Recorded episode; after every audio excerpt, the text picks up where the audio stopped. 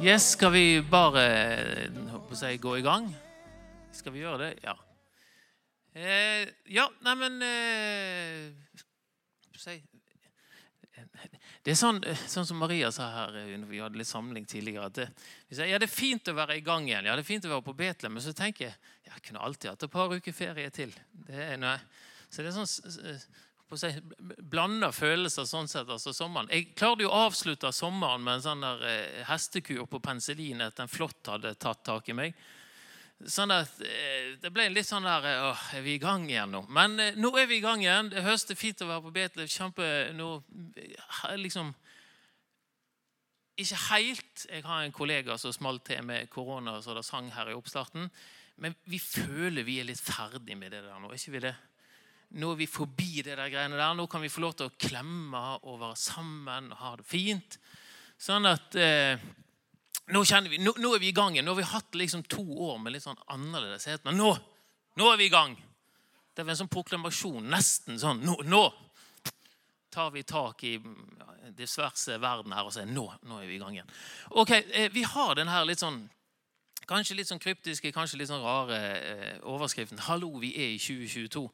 Eh, eh, det ligger jo et sånn der eh, indikasjon i det da, at det handler litt om, om tidene vi lever i, altså samfunnet vi lever i. Personlig så, så har jeg blitt litt sånn fascinert over Det er bare to eksempler jeg har funnet av en hel masse eh, artikler og greier. Der, der, liksom Hallo, vi er i 2022. Eller vi er i 2022. Dette her tilfeldigvis handler om denne underordningsdebatten som var.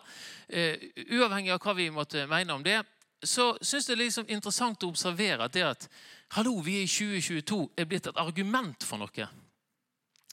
Eh, type eh, Ja, jeg tror på Gud. Hallo, vi er i 2022. Det går jo ikke lenger. Eller eh, en dame for eksempel, sier ja, jeg ønsker å være hjemme med ungene mine. jeg ønsker å være hjemme og være en husmor. Hallo, vi er i 2022. Og så tenker jeg, Hva i all verdens slags argument er det? Eh, hvis jeg sier liksom at eh, ja, jeg tror på Gud, og så sier du en annen at eh, ja, jeg er jo eh, biolog, eller et eller annet sånt, jeg syns det virker helt på hodet, ja, da kan vi ha en debatt om hvordan jeg kan si at ja, men jeg opplever at den artistiske tilnærmingen den gir ikke meg svar på ting som jeg mener er veldig viktig, og så kan du være helt uenig med meg, men da har vi i hvert fall en debatt med argument. Men vi opplevde sånn å lese kommentarfelt og alt mulig sånn og greier, så er det liksom det som blir argumentet. Hallo, vi er i 2022. Så tenker jeg ok, make no sense, egentlig. Eh, skulle de eh, sagt i liksom 1814 Man holder på på Eidsvoll der, og så bestemmer man seg for at vi skal ha en jødeparagraf i Grunnloven. Og Si, hallo, vi er 1814, jødene må ikke ha tilgang til landet. Det er liksom det er no sense. Eh, det bestemte de seg for da. Eh, og så Selvfølgelig var det jo et eller annet som lå under der. Det, er liksom det vi kan si, det var fordi vi var i 1814. Det var det masse rare tanker om at eh, ja, De hadde masse stygge tanker om jøder, men nå skal ikke vi gå inn i det. Men det var noe som lå under. Og når de begynner med argument her at ja, hallo, vi er i 2022, så er det selvfølgelig noe som ligger under her. Det er en tanke om at det er visse ting som ikke er greit å si og mene og synes, og visse holdninger som ikke er greit å ha i 2022. Det er ikke greit å si at jeg er kritisk til visse ting som skjer i samfunnet. Hallo, vi er i 2022. Du kan jo ikke være det. Du må være åpen og inkluderende og liberal på alle bauger og kanter. Fordi vi er i 2022. Og det har jo ingen logikk i seg. Sånn det, Hvis du ser på det bildet her, så handler dette her som jeg har lyst til å ta tak i litt i dag, det handler jo selvfølgelig om at det er noen ting som ikke er greit å si. Og Jeg har lyst til å se litt på det. Eh, jeg syns Knut eh, for meg la et eh, veldig fint utgangspunkt forrige gang, når han på en måte banka fast at vårt utgangspunkt er jo selvfølgelig at Gud er.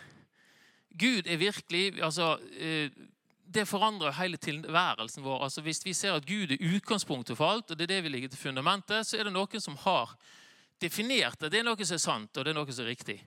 Eh, om du vil, Hvis du er med på det begrepet, så kan vi si at Gud er en objektiv størrelse. Det vil si at det er fullstendig uavhengig av hva vi måtte mene, hva vi måtte synes og hva vi måtte tenke, så er Gud. Jeg syns Petter Dass sier det veldig fint i sin salme fra 1658. eller et eller annet sånt. Så, Gud er Gud om alle land lå øde. Gud er Gud om alle vann var døde. Gud er. Og hva vi måtte synes om å gjøre med her, har egentlig ingenting med Gud å gjøre i den forstand. Sånn at eh, hvis vi tar det som utgangspunkt, så må vi ha en, kanskje en litt annen at vi Ok, min oppfatning av Gud den kan jo variere, men det betyr ikke at Gud varierer. Gud er den samme i går og dag til evig tid. Men hvordan jeg forstår han, disse eh, hvordan jeg oppfatter han, der kan vi se variasjoner. Men da bør vi ha en veldig ydmykhet i møte med det. Sant? Så eh, jeg synes det, jeg bare leser litt lite eh, vers her fra Forkynneren her i starten. Eh, det er da Forkynneren er blitt en av mine favorittbøker i Bibelen. Eh, Forkynneren 8 så sier han at jeg vier mitt hjerte til å lære visdommen å kjenne og betrakte menneskenes strev på jorda. Verken dag eller natt hadde jeg blund på øynene. Og jeg så at mennesket ikke kan fatte det Gud lar skje.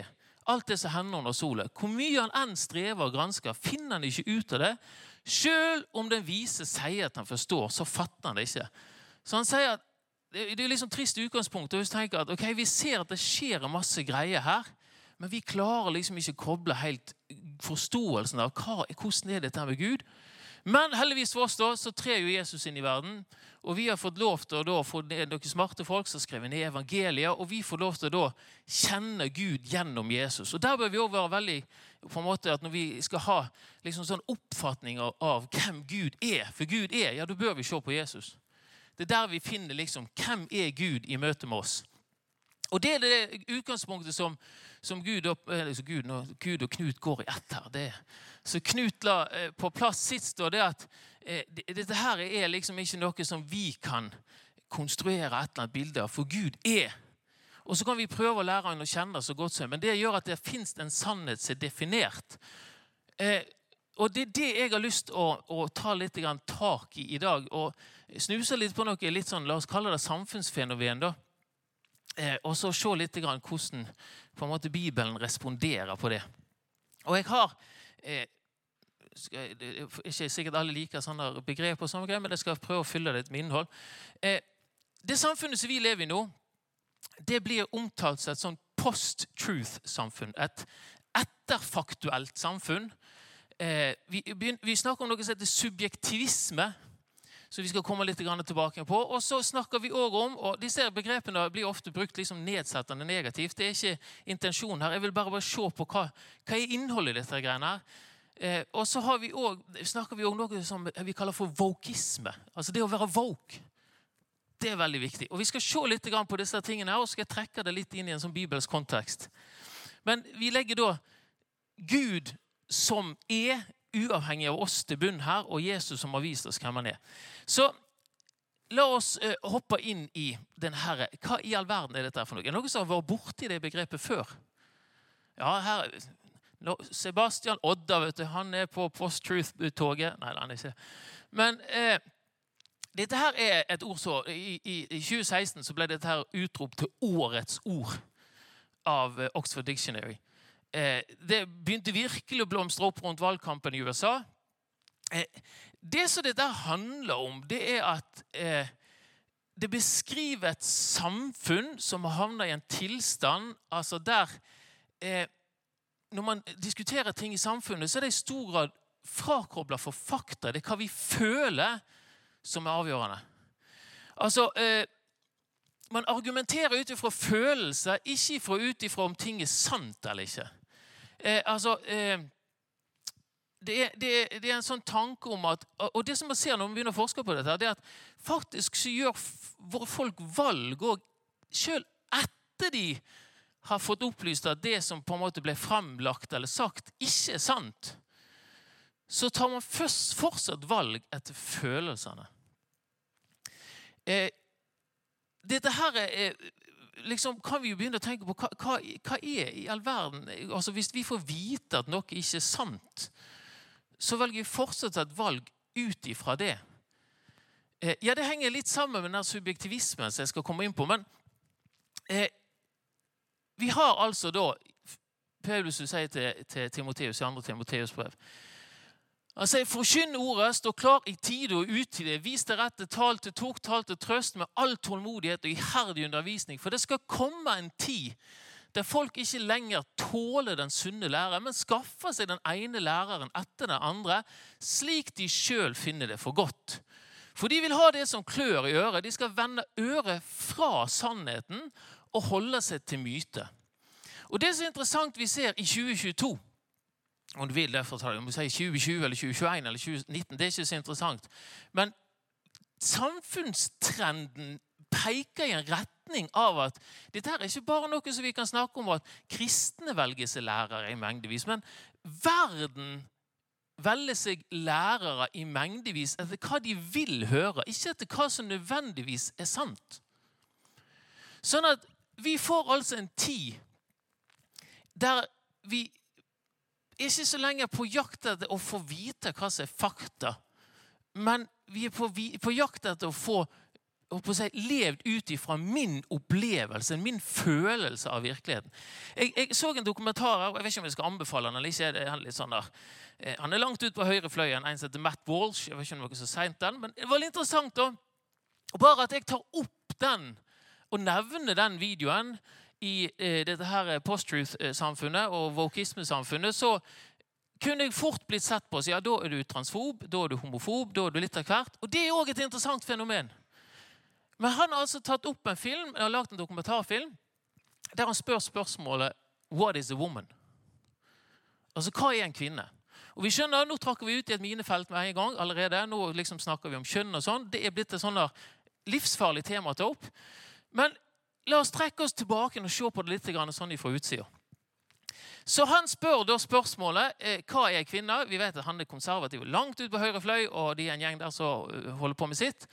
Eh, men han da spør på hva skulle si, konservativ side, så får man si en biolog eller noe, så får han svar jo, en kvinne. Det er et voksent menneske eller et voksent individ av Homo sapiens av hokjønn. Det er liksom det, det, det, det som det har vært, og det er det naturbiologene sier. ja, fint, det er det. Eh, men så reiser han rundt om diverse professorer og college holder på med eh, forskning på forskjellige områder, og han får ikke svar på det spørsmålet. Og det er interessant fenomen. De blir sint på ham fordi han spør det spørsmålet. Hva er det du vil med det spørsmålet? Jeg skjønner Det er et litt sånn tricky spørsmål. Det er liksom Hvis jeg spør skal jeg spørre Maria, hva er en bil? Hva svarer du da? Et transportmiddel. Så et fly er en bil. Nei, sant? Og så, Da skjønner vi. Du, hva sa du? Og så sier ja, ja, det er transportmiddel på fire hjul. Og, Ja, en traktor det er en bil. Eller en skurtersker. Nei, det er ikke en bil, det er en traktor. Og så kommer han, så du skjønner, han, Det er litt sånn lureri, dette spørsmålet. Men det er et interessant fenomen. Det at Han sier ja, men vi skal jobbe for kvinners rettigheter, men hva er en kvinne? Nei, det vil vi ikke si. Og dette her ligger i dette her eh, samfunnet som er i ferd med å utvikle seg nå. Og det skal jeg se litt på. Hvis vi trekker oss over i denne her subjektivisme, hva handler det om? Subjektivisme handler rett og slett om at det som vi hevder er sant, eller det som vi kan liksom vite noe om, det er relevant ut ifra hva den enkelte mener. Og Det spør hun ene dama spør han Matt Walsh i denne filmen. her, liksom, sant? Han sier jeg er på jakt etter sannheten. Så spør hun hvem sin sannhet? Hvem sin sannhet er du på jakt etter? Min eller din? Nei, nei, han sier akkurat som vi sitter her. Ja, men det fins det ikke. Og han andre en professor, han spør da, så, så han spør liksom sånn, jeg er på jakt etter liksom sannheten om hva dette handler Ja, Det opplever jeg som krenkende. Og så skjønner jeg, men jeg kan forstå hans utgangspunkt, for at jeg sier jeg opplever at du vil presse meg opp i et hjørne. Det er det du vil. Men likevel så han sier ja, så du opplever det at vi er på jakt etter en sannhet om hva noe er. Så opplever du det som krenkende. Så jeg opplever det som transfobisk og krenkende at du spør etter en sannhet om hva en kvinne er. Og Dette her er et interessant fenomen der vi beveger oss overfra, der vi vet at Gud er Sannhet er ikke noe som er sånn optional som du kan velge. Men så snakker vi om noe som heter eh, konstruktivisme. Det vil si at vi enten sammen eller hver for oss konstruerer en oppfatning. Vi kan bli enige om noe. Vi kan konstruere lover og regler om hvordan vi skal ha det. Og så kommer man konstruere sannheter om ting. Vi kan eh, konstruere en sannhet som sier at f.eks. Eh, eh, det er stygt å mobbe. Så sier vi at det er en sannhet. Det opplever vi. Sånn er det. Eh, klart, Hvis noen var en sånn der slam jam-greie, i sånn konkurranse, de ville jo sagt at nei, men det er jo sånn du vinner konkurransen. Men for oss vil jo si at vi, vi, vi i skolen så kjemper vi for null mobbing. Sant? Så det skal ikke forekomme. Så For oss er det sant at mobbing skal ikke forekomme. Men da lager vi oss. Men så snakker vi om noe som er objektivt sant. Noe som er uavhengig om vi forstår det eller om vi er enige i det, så er det bare sant når vi kommer til Gud. Og det liksom, Vi kan ikke holde på å endre på det. Og et samfunn som beveger seg over i hva er sant for deg? Hvordan opplever du er, er, er sannhet for deg? Der begynner vi da å få litt sånn eh, Hva skal vi si Utfordringer altså når vi, hevde, når vi er folk som begynner å hevde at ja, det fins noe som er rett og feil. Det fins noe som er sant eller ikke i et samfunn som ikke vil ha de Sånn er det. Så begynner vi å bli litt sånn upopulære. Jeg skal vise til, Jeg synes det, Thomas Netland skrev en veldig interessant artikkel i Dagen her for et par dager siden. Jeg refererer litt til den på slutten. Men dette her er en litt sånn tidstrend. Eh, så har vi fått da òg påkobla på toppen her Nei, la, la, meg få lov til å prøve oss å slå av den her og finne en artikkel der. For dette her er litt sånn interessant. Hvis vi klarer Det er lett for vi kan bli liksom ha-ha-ha, det var teit og sånn. Men la, hvis vi prøver oss å holde oss helt sånn eh, ned på jorda og så se, Klarer jeg å få opp det her? Her eh, her har vi noen artikler her. Eh, dette er veldig interessant. Altså vi ser altså en utvikling her der altså nå er det aktivister som kaller arkeologien i seg sjøl for transfobisk. Det vil si altså at de, de, vi må slutte når vi finner et skjelett ned i bakken her, og si om dette her er mannen. Så Arkeolog sier her har vi funnet et skjelett. Det er en ung kvinne. Sant? Døde sannsynligvis i 20-årene. Eh, det, det, må vi slutte med. Og så svarer da prosess, han Professoren svarer ja, men ikke-binære skjelett fins det ikke. Ja, Det bryr vi oss ikke så mye om. Dere må slutte å si det. For det opplever vi som krenkende. Så, ja, men dette er i all verden, tenker vi. Men disse typer tanker er noe som begynner å forme mer eller mindre hele samfunnet vi lever i. Kanskje, og jeg er interessant, jeg snakker med masse realfagslærere. og sånn. Det var veldig gøy var for at her Tidligere i vår så snakket jeg med jeg har noen realfagslærere jeg jobber mye sammen med.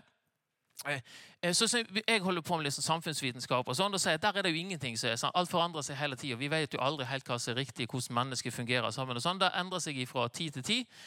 Og hun liksom Å, fantastisk, jeg får lov til å holde på med realfag. Der ingenting endrer seg. Der er alt objektivt, og vi bare liksom finner, vi finner sannheten.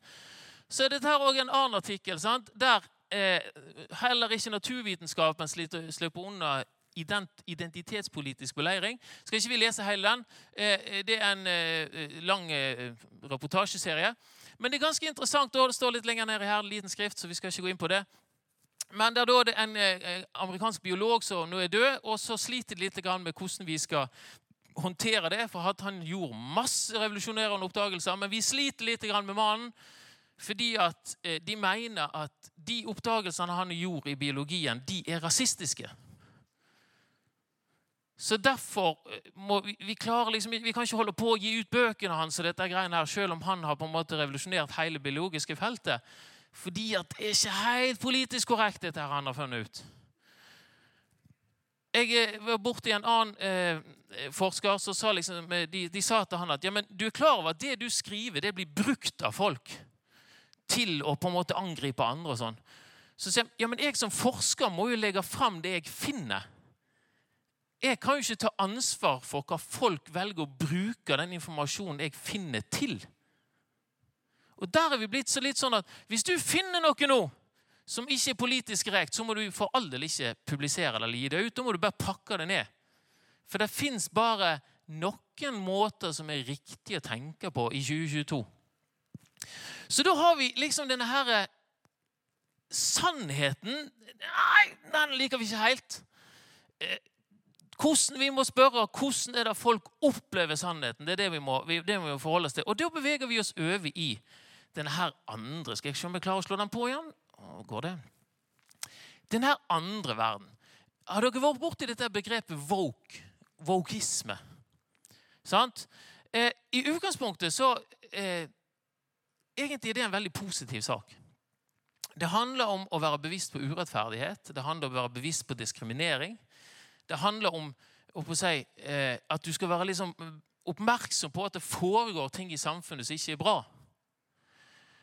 Det er liksom det som er utgangspunktet. da. Men når jeg tar opp disse begrepene her, så er det litt fordi at sånn, skal vi se på en artikkel etterpå, den ungdom som beskriver dette her, at det, han sier at vi havner over i at ungdommene skal være så woke at det blir være liksom politisk korrekt på speed.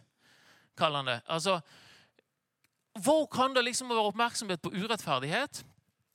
Eh, men eh, begynner vi å liksom se at dette her går litt over eh, på seg, stokk og stein? altså Tar det litt av, eller er det bare blitt noe mer enn Vi skulle jo tenkt at vi som kristne kjenner oss i det å på en måte være oppmerksom på de som er utafor, de som sliter, de som blir diskriminert. Det er liksom midt i hjertet av en kristen ånd.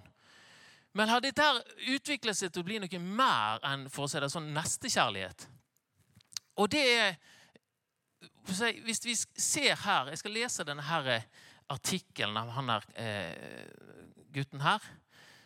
Klarer vi, klarer vi, å kjøre det på igjen? Altså, dette her funker, vet du. Får vi lov til å bla her? Her har vi altså nå må vi tenke at dette her er jo eh, eh, dette her er altså ikke noe kristen ungdom, eller sånn, så vi må være med på at det skjer litt forskjellige ting i denne artikkelen. Men han skriver her da, fra ungdommenes utgangspunkt at generasjon Z, det er liksom de som er født fra 1990 og framover, er en overvoke. Altså det er en over, altså vi har tatt vokismen til et helt annet nivå. Og Det som han beskriver nedover her sant? Her eh, Generasjon Z er generasjon født mellom 1990 Ok, Hvem som er født der, da? Er det noen 1990-modeller her? Ja, se der, ja. Her har vi de. Vi har de iblant oss. Neida. Eh, ok, så dette her gjelder deg, Emilie. Neida. Eh, altså, der står det, Denne generasjonen som har vokst opp side side med splitta ny teknologi, eh, generasjonen som har vokst opp med sosiale medier, og generasjonen som dropper skolen for å streike for klima. Eh, dette er generasjonen som blir krenka hvis du sier indianer istedenfor amerikansk urbefolkning, eller hvis du er hvit, hvit, i huden og har dreads. Så tenker vi, i verden er det om Men vi skjønner litt at det her er noe her som er noe i. Eh, men jeg syns det blir veldig rart. Og han her eh, Jostein Bever, så dere kjenner til Justin Beaver Han Han stilte opp med dreads i håret sitt. Altså sånn, du vet, sånne krøller. Og det fikk han vanvittig pepper for. Fordi at han var jo ikke rastafari. Han kunne ikke ha dreads i håret. Eller eh, så kritikk av et band, eh, hvite folk, som spilte reggae-musikk. Det kunne ikke de holde på med. Det var kulturappropriasjon. Altså, Man stjeler kulturen til noen andre. Jeg leste en artikkel for, et par år siden nå, det var faktisk Stavanger Aftenblad, eh, der det var en muslimsk herremann som var rimelig lei av å bli holdt ansvarlig for at ikke de skulle ha julesanger på skolen. Altså, Hvem i all verden er som holder på å skyve meg foran og sier at på, liksom, vi må ta hensyn til at ikke de blir krenka og diskriminert? Så at, ja, men jeg, jeg, jeg flykter jo fra dette samfunnet. Der vi ikke hadde lov til å ytre oss. Nå ønsker Jeg har jo flykta til et land der jeg ønsker å møte den kulturen. Jeg ønsker jo at mine unger skal få lov til å møte det frie samfunnet som dere lever i. Hvorfor skal jeg bli skjøvet foran at vi ikke skal ha julesang og kristne julesanger i skolen? Hvem er det som skyver han foran? Jo, det er jo ikke, det er jo ikke han. Dette her er jo altså en hvit middelklasse av woke-folk som sier at han blir krenka, han. Ja, Men jeg blir jo ikke krenka. Nei, hysj med deg. Han blir krenka, han. Ja, men det hva du mener, Sannheten er ikke så interessant. Min subjektive opplevelse er at du blir krenka. Så det kjører vi på. Dette her er et veldig sånn interessant eh, fenomen som begynner å bre seg. Dere kjenner til dette begrepet 'politisk korrekt'.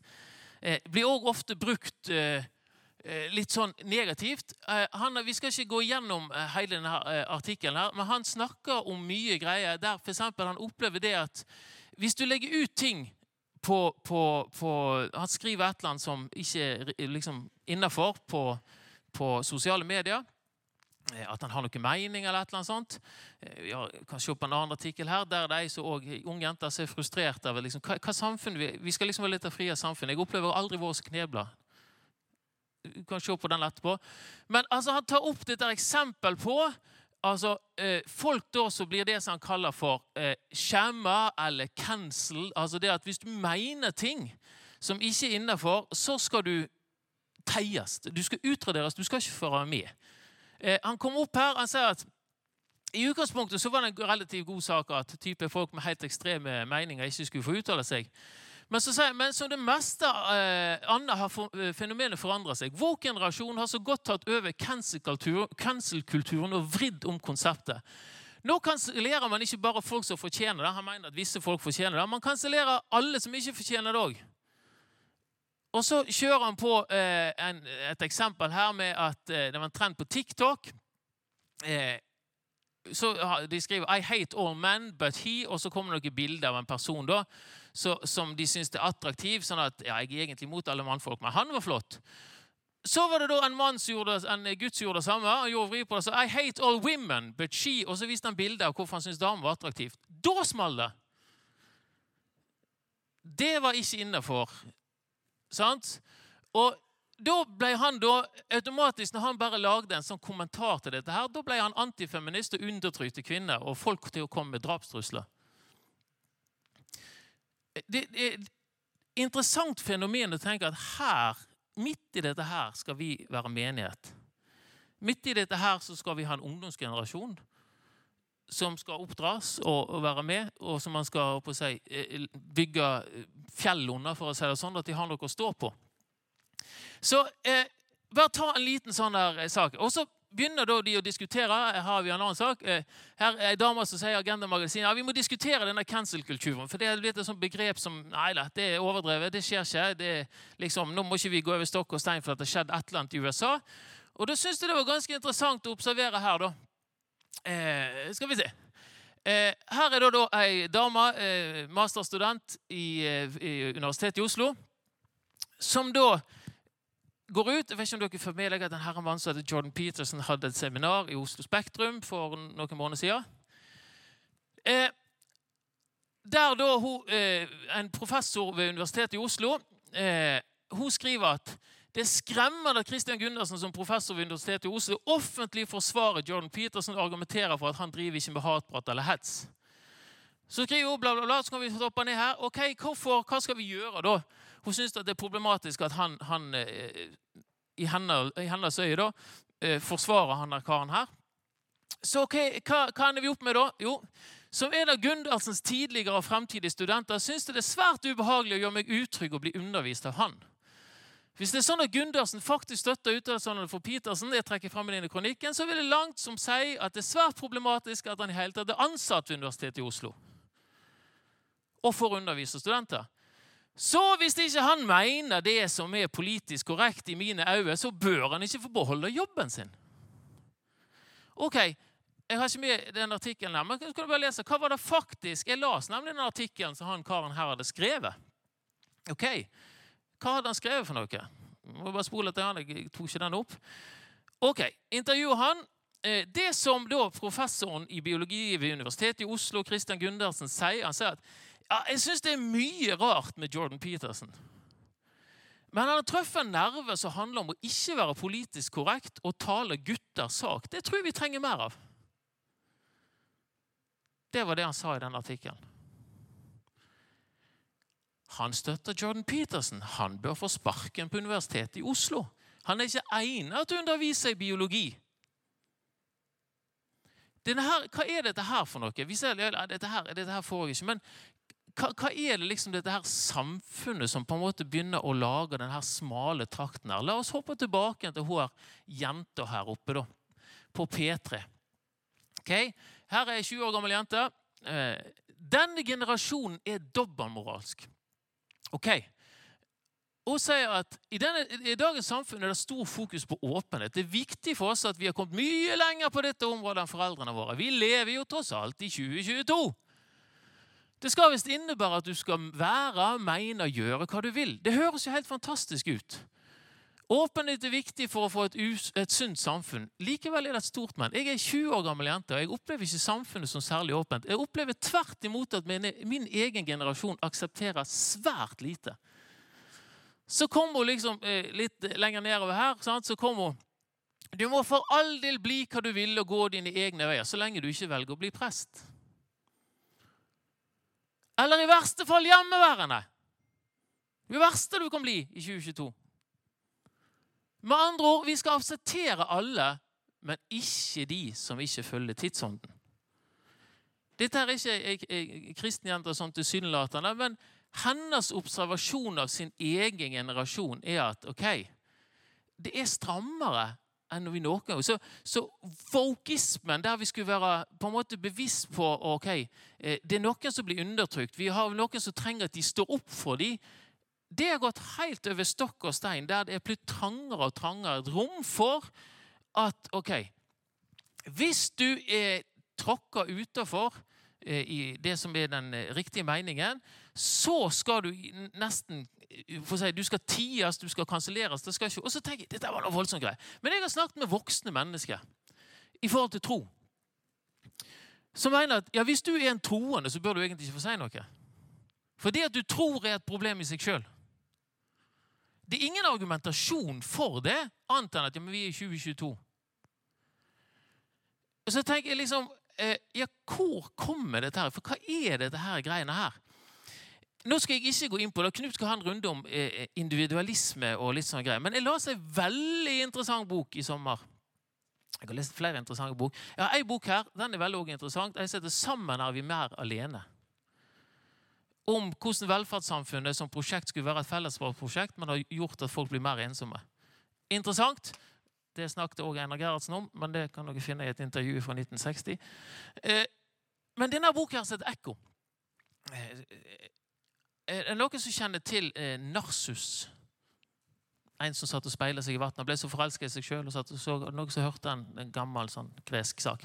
Ok, Denne boka her handler om egentlig at eh, eh, Han tar utgangspunkt og bruker denne historien da, om Narsus, som blir så opptatt av seg sjøl at han selv opptatt, at han til slutt dør i, mens han ser på sitt eget speilbilde. Men boka heter Ekko. De fleste har kanskje hørt om narsissismen Narsus. Har dere hørt liksom demra baki der? Er det noen som har hørt om feen Ekko? Eller faun, eller hva de kaller det. For Hun òg er med i historien. Og Ekko er den som bekrefter Narsus når han sitter og ser på seg sjøl. Oi, meg, jeg er så fantastisk. Du er så fantastisk. Og jeg liksom sånn.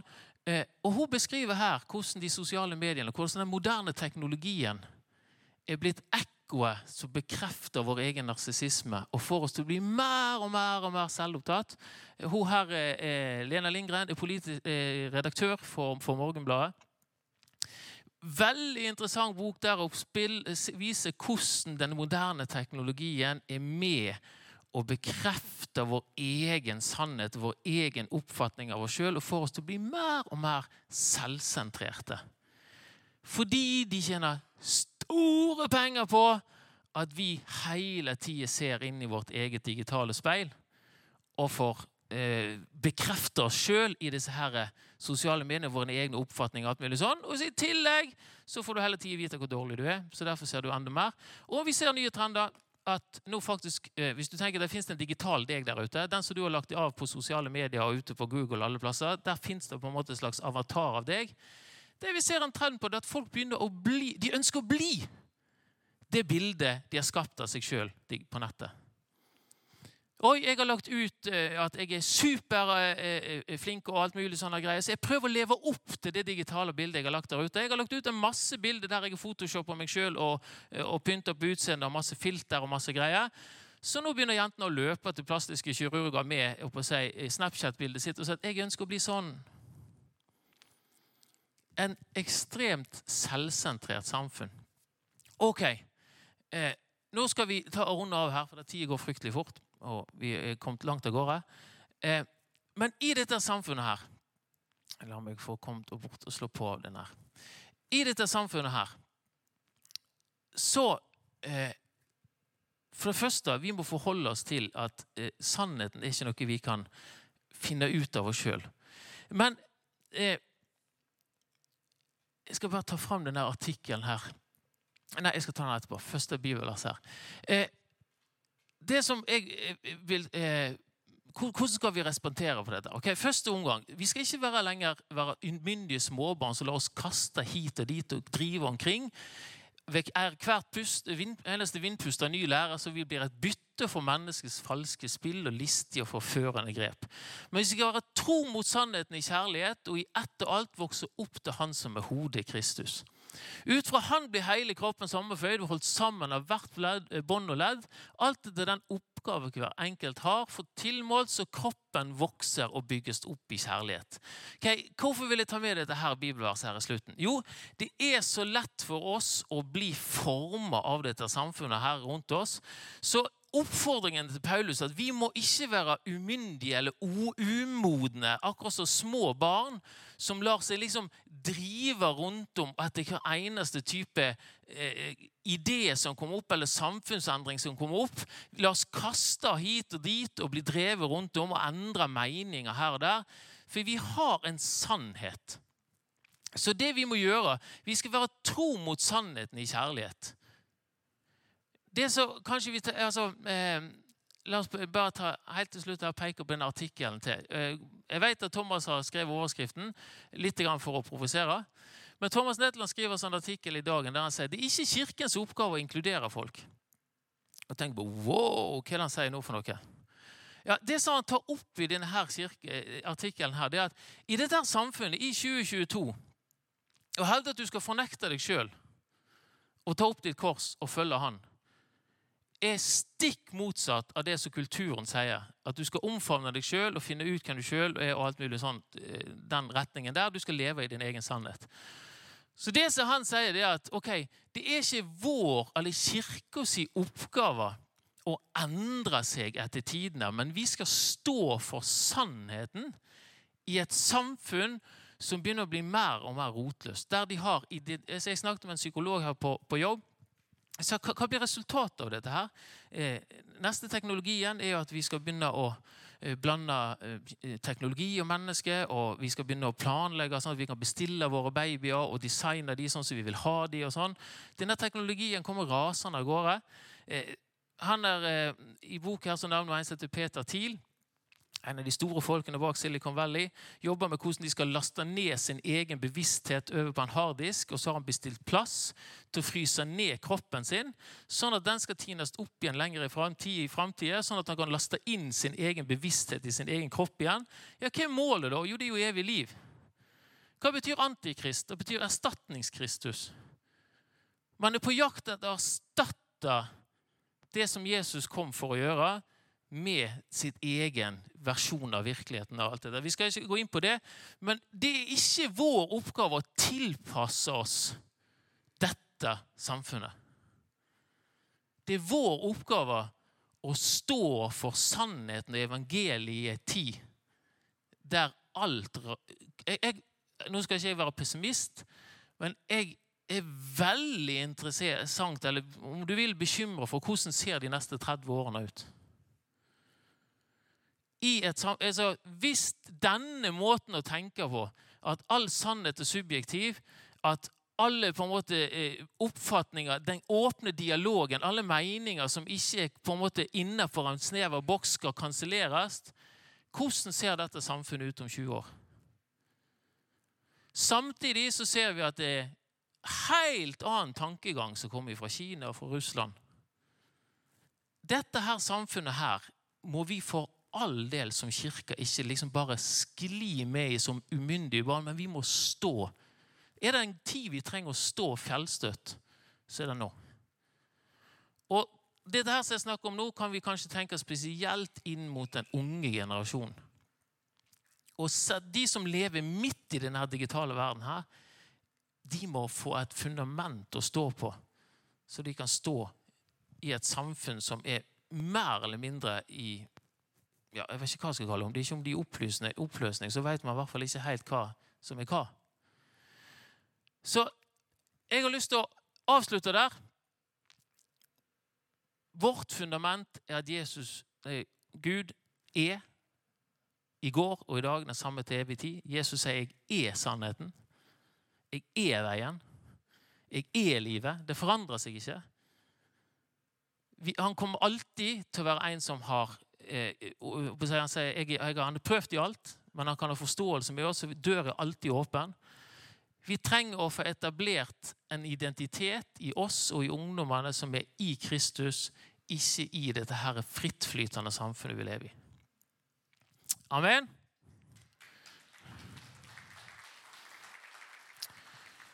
Kjære Jesus, jeg eh, ønsker å først takke deg for at jeg veit innerst i mitt innerste hjerte at du er alltid den samme. Alt andre forandrer seg av det andre, og da blir liksom, vi aner liksom nesten ikke hva, hva, vi skal forholde oss til. Hva er sant? Pilatus spurte deg om det. Ja, hva er sannhet? Ja, du sier jeg er sannheten. Jeg takker deg for at jeg kan vite at hos deg så er det ikke noe endring av skiftende skygge. Der kan jeg få lov til å senke skuldrene, og derfor kan jeg få lov til å komme akkurat sånn som jeg er. Og så kan jeg få vite at du holder. Men samtidig så kan jeg få lov til å eh, eh, vite òg at eh, vi kan ha et evangelium, vi har et budskap. Vi har et ord som er sterkere enn noe tveegget. Vi vet at vi har noe mer enn bare at vi kan få lov til å komme sjøl og kjenne at vi kan senke skuldrene, for du er.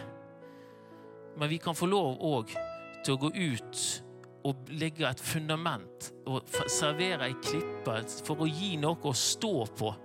Gi folk noe å stå på i et samfunn der folk lurer på hvem de er, hva er sant, hva er ikke sant, hvem jeg, kan jeg stole på, hva verden kan jeg gjøre så kan vi få lov til å komme og si at ja, men det fins én som er sannheten. Og han sier at bli mitt ord, så skal du kjenne sannheten, og sannheten vil sette deg fri.